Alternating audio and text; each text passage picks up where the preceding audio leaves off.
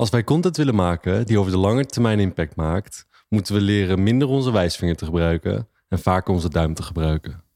Hey, dit is Arnoud en dit is A Drop of Ink.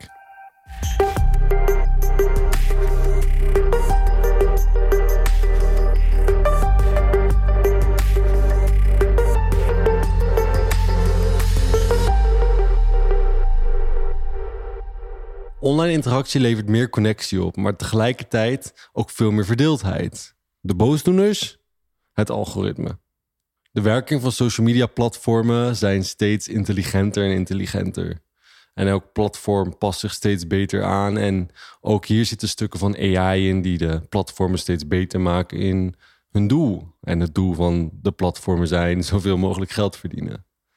De reden dat wij constant terug willen naar social media is om de rush die we eruit krijgen en het gevoel wat we eruit krijgen. Het idee van het is makkelijker om terug te keren naar social media en de levens te bekijken van anderen die we graag willen. Maar het is meer moeite om dit daadwerkelijk zelf uit te voeren. En dus die kleine rush die we ervaren op het moment dat we op social media zitten, is waardoor we terugkomen. Omdat dat veel makkelijker is dan zelf actie te ondernemen. En toch voelt het fijn om het soort van te ervaren wat een ander heeft en doet. En daarom heeft content en social media platformen op die manier zo'n invloed. Algoritmes zorgen ervoor dat je je aandacht steeds meer besteedt op social media. En hier werken algoritmes op een hele slimme manier aan. Toen TikTok op de markt kwam, werd het heel snel heel erg populair. En de reden daarvoor was, is dat het platform interest-based is. En dit wil zeggen dat het niet op basis is van de mensen die je volgt of waar je een connectie mee hebt, maar dat je content te zien krijgt op basis waarvan je geïnteresseerd bent. En geen enkel ander platform had dit tot nog toe. We hadden Twitter, Facebook, Instagram, Pinterest. Het meeste was allemaal gebaseerd op wie jij volgt. En die kwamen zeker weten bovenaan te staan. En dan was er een soort van de ontdekpagina. En dat was meer de specifieke pagina die keek naar... oké, wat doet iemand en hoe gedraagt iemand zich... en wat vindt deze persoon interessant. En op basis daarvan liet het algoritme content zien... om zo jou langer op het platform te houden... zodat hun jou meer advertenties kunnen laten zien en hun meer geld verdienen. Zo werkt het een beetje op social. En sinds TikTok opkomt en de balans eigenlijk super interessant is, en waardoor Instagram niet achter kon blijven, en we zien nu ook dat Facebook het integreert, YouTube komt met shorts, Twitter zou ook niet lang achterblijven. En dit komt doordat ze samen heel goed werken. Mensen die geïnteresseerd zijn in een bepaald onderwerp, jij kan ze meer van die content laten zien, zorgt er gewoon voor dat je langer op een platform blijft. Dan dat jij gewoon mensen volgt die je kent, die vrienden en dat soort zaken. Maar door jouw content te geven waar je echt geïnteresseerd in bent en waarvan het algoritme weet, oh, dit vindt deze persoon leuk en dat meer en meer te laten zien, geven we eigenlijk wat iemand zoekt. We geven de behoefte die iemand heeft door middel van content, waardoor het hoogstwaarschijnlijk is dat iemand langer op een platform blijft, waardoor social platformen meer verdienen aan advertentiekosten en op die manier beter draaien. En zo is het eigenlijk een win-win voor iedereen. En dit is ook trouwens precies de reden waarom mensen TikTok zo ervaren als verslavend. Is puur omdat het je alleen maar laat zien wat je geïnteresseerd vindt. Het is natuurlijk hele korte, korte video's zijn het. Het is een hele snelle dopamine rush, om zo maar te zeggen. En de herhaling daarvan is gewoon super eenvoudig. Je hoeft maar één keer naar beneden te swipen en je bent bij de volgende rush. En dat herhaalt zich en herhaalt zich en herhaalt zich. En dat zorgt ervoor dat mensen constant in die rush blijven en dat het zo verslavend aanvoelt. Maar er zit ook een negatieve kant aan hoe algoritmes op deze manier jouw content laten zien. Want wat ervoor zorgt is dat waar je al in geloofde of wat je al interessant vindt, dat je daar nog specifieker op ingaat. Dat je dat nog duidelijker gaat formuleren en daar nog duidelijker voor gaat staan. Moet je je voorstellen als je gelooft in dat de aarde plat is. En er zijn mensen die dat daadwerkelijk geloven. En misschien ben jij er wel een. En op het moment dat jij alleen maar content krijgt te zien van mensen die hier ook in geloven en die hier content over maken. En de aarde is plat. En er wordt steeds meer en meer over gemaakt. Die wordt er steeds verder ingezogen omdat je het interessant vindt. En door middel van de platformen krijg je steeds meer van dat soort content te zien. En wat er gebeurt is, mensen worden steeds sterker in hun, in hun geloof en waarvoor ze staan. En social media verdiept dat. En het nadeel daarvan is is dat we zo erg sterk gaan geloven in wat dit is en waar we voor staan. dat het soms veel moeilijker is om open te staan voor de meningen van anderen. En dat komt puur doordat algoritmes laten zien wat jij interessant vindt. En ze laten dat meer en meer zien. En je gelooft er steeds meer en meer en meer in. Dus ze versterken eigenlijk de connecties die je brein al hebt gemaakt. En die maken die nog en nog sterker. Alleen het nadeel is dat als we een discussie hebben met iemand anders, we soms heel erg merken dat dit tegen elkaar gaat lopen trekken. Omdat we zo erg specifiek zijn dat we de meningen van anderen niet meer in ons kunnen nemen. Of dat we niet meer het standpunt kunnen innemen van een ander. Omdat we zo erg specifiek en gericht content krijgen. En dit fenomeen komt van het feit vandaan dat waar je mee omringt, daar word je mee beïnvloed.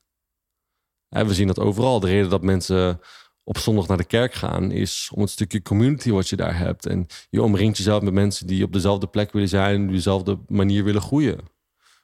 Daarom hebben we scholen waar we met z'n allen naartoe gaan. De reden dat we met meerdere mensen samen iets doen, is omdat het sterker werkt. En dat het meer plezier en blijdschap geeft dan dingen alleen te doen. En dat idee van community maakt content ook weer sterker.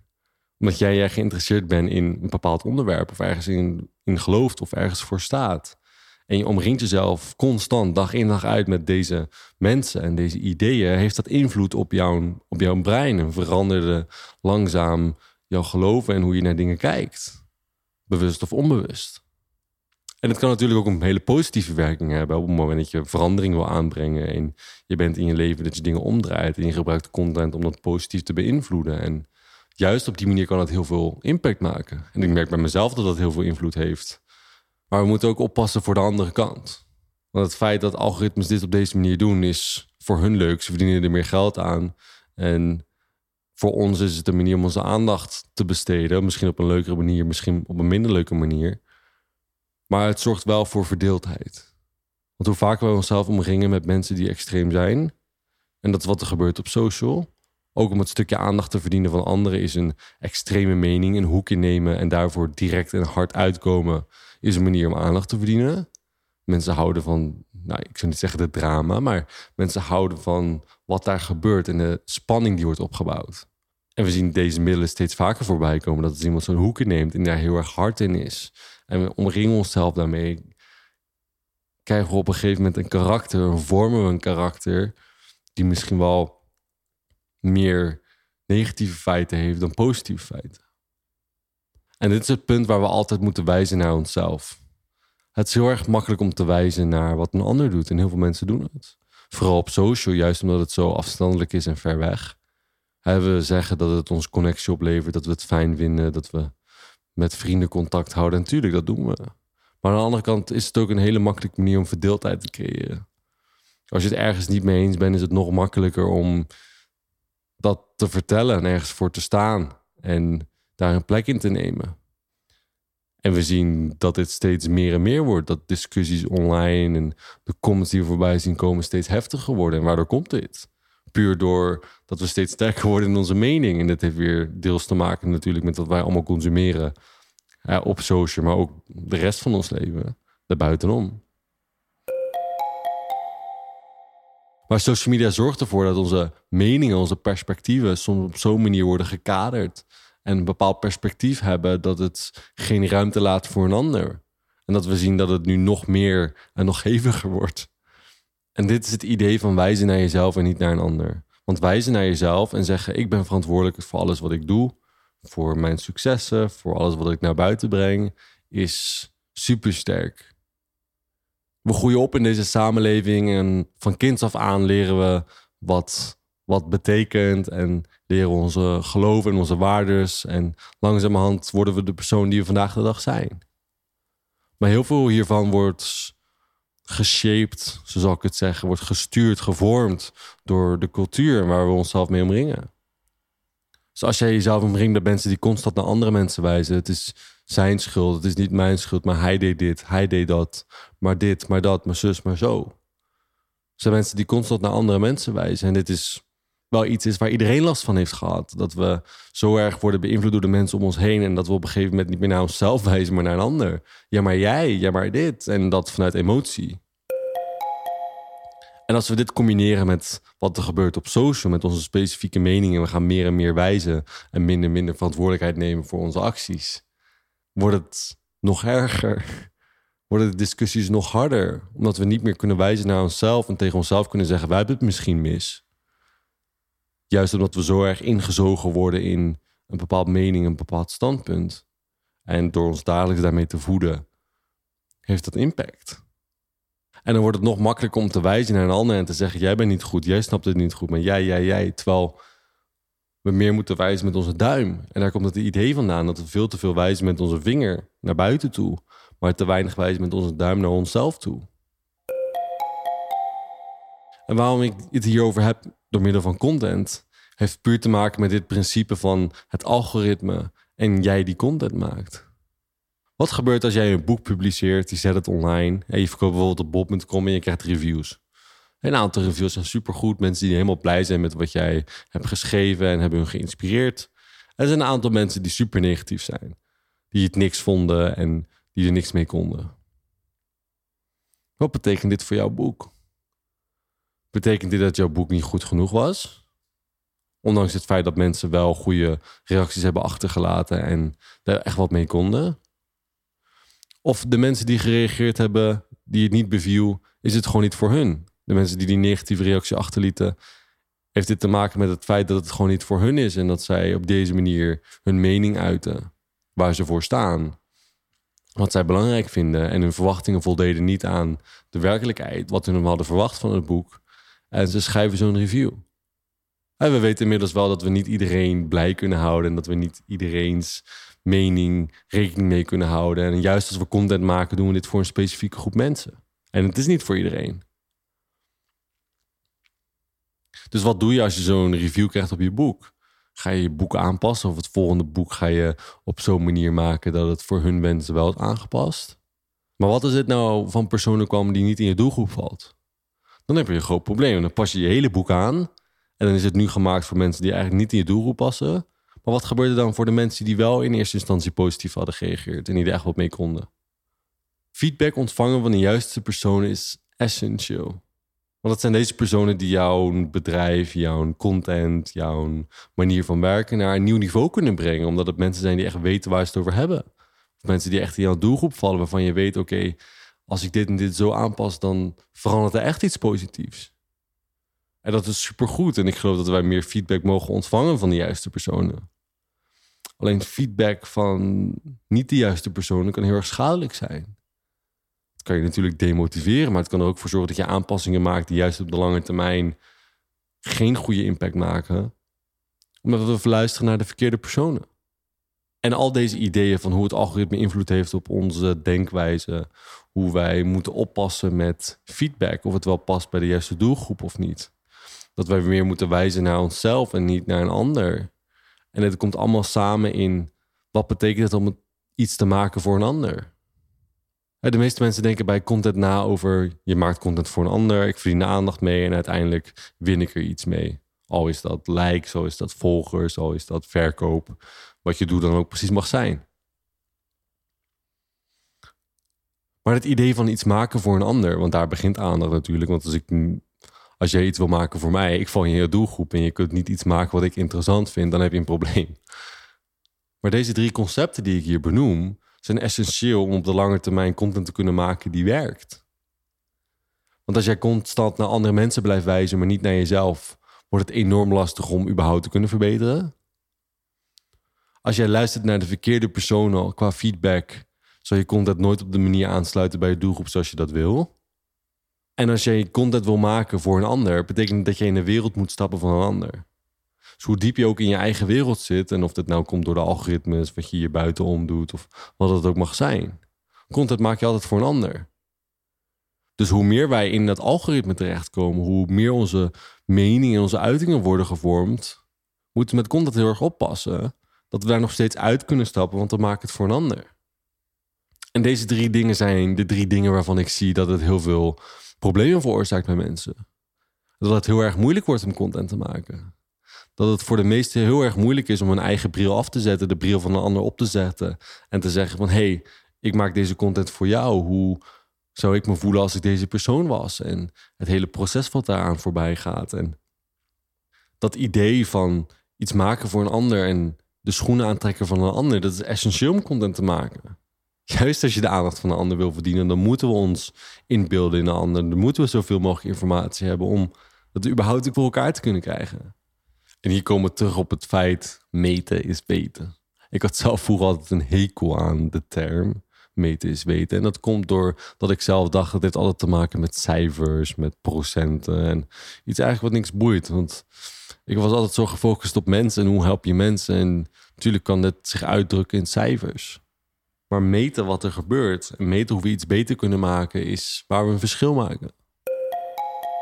Als je bijvoorbeeld kijkt naar YouTube Analytics, de YouTubers die dit luisteren of dit kennen, er is altijd één statistiek die voor alle YouTubers het meest interessant is. En dat is kijktijd.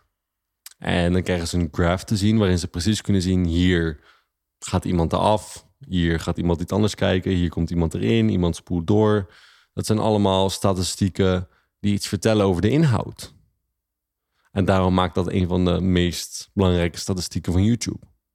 Omdat het je vertelt in de video en laat zien van hier gaan mensen weg. Hier komen mensen erbij, hier spoelen mensen door, hier bla. Dus je krijgt grip. Want wat er gebeurt is, je ziet bepaalde acties voortkomen van meerdere mensen op hetzelfde punt. En je kunt je afvragen, oké, wat gebeurt er dan op dat punt waardoor iemand zo'n actie neemt? En dat kunnen we terugleiden naar de bepaalde inhoud, hoe we een boodschap overbrengen, wat voor video we hebben gebruikt. Of er gebeurt iets waardoor iemand zo'n actie neemt. En op het moment dat er meerdere zijn, kunnen we kijken van oké, wat hebben we dat stukje van de video gedaan? En hoe kunnen we dat de volgende keer anders doen? Maar als je kijkt naar social media statistieken, van hoeveel bereik je hebt, hoeveel volgers je erbij krijgt, hoeveel comments je hebt gehad, zegt niks over de inhoud.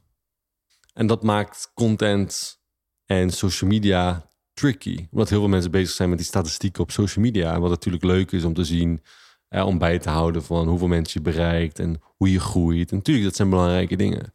Maar het belangrijkste is altijd de inhoud. Dus het idee van meten is weten. En te kijken naar de inhoud en elke keer te zien van wat kan ik anders doen op het gebied van titels, introducties, hoe je een verhaal vertelt, hoe je voorbeelden gebruikt, hoe je video's in elkaar zet, welke volgorde je gebruikt, hoeveel je van iets gebruikt, welke kant je dan ook precies op gaat. Want als jij verantwoordelijkheid neemt voor alles wat je doet, op het moment dat je content maakt, als je dat op je schouders neemt, dan weet je hoe belangrijk het is om te meten. Want als alles jouw schuld is, hebben ze iets van: oké, als het mijn schuld is, dan kan ik ook verbeteren. Dat is het mooie van dat geloof. En dat is een van de dingen die ik ook in mijn hoofd heb gestampt. Dat alles mijn schuld is. En je kan het zien dat iets negatief, maar voor mij is het iets positiefs. Want ik weet dat ik in controle ben als ik dat over mezelf zeg. En dat weet ik. Dus wat er gebeurt is als ik dat tegen mezelf zeg, weet ik oké, ik kan dat beter doen. Want ik ben in controle. Dus dat betekent meer meten. Want hoe meer ik meet, hoe meer verandering ik kan toepassen, hoe sneller ik kan groeien. En dit start allemaal bij het idee van hoe algoritmes werken en hoe wij beïnvloed worden in ons hoofd. En hoe wij leren om onszelf daaruit te zetten, alle verantwoordelijkheid op ons te nemen, zoveel mogelijk momenten te creëren waarop we meten wat er gebeurt en verbeteringen aan te brengen. En het zijn deze stappen die mij brengen bij steeds betere content. En stappen die ik anderen wil leren en wil laten zien van... hey, dit is de manier hoe wij iets kunnen maken voor een ander... en iets beter kunnen maken voor een ander. En dan is het goed om te weten welke stappen daar invloed op hebben. En voor elke persoon is het de ene stap moeilijker en belangrijker dan de ander. Maar weten wat invloed heeft op dat proces... kan je heel erg helpen om beter te worden in de een... op te passen voor de ander. En dat is ook precies de reden waarom ik de titel heb gekozen voor deze aflevering, is verantwoordelijkheid. Verantwoordelijkheid over jezelf, over hoe ver jij jezelf laat meeslepen door algoritmes. In hoever jij zegt van oké, als ik content maak, dan zet ik de bril van een ander op. Of dat je zegt, oké, het is mijn verantwoordelijkheid wat er gebeurt en ik doe er wat aan. Je kunt al deze dingen samenvoegen in deze term verantwoordelijkheid verantwoordelijkheid nemen voor jezelf, voor je bedrijf, voor de content die je maakt. Daar begint het. We kunnen wel blijven wijzen naar anderen, maar uiteindelijk waar we verandering brengen, waar we groeien, is als we onze duim gebruiken in plaats van onze wijsvinger en zeggen: Ik neem verantwoordelijkheid.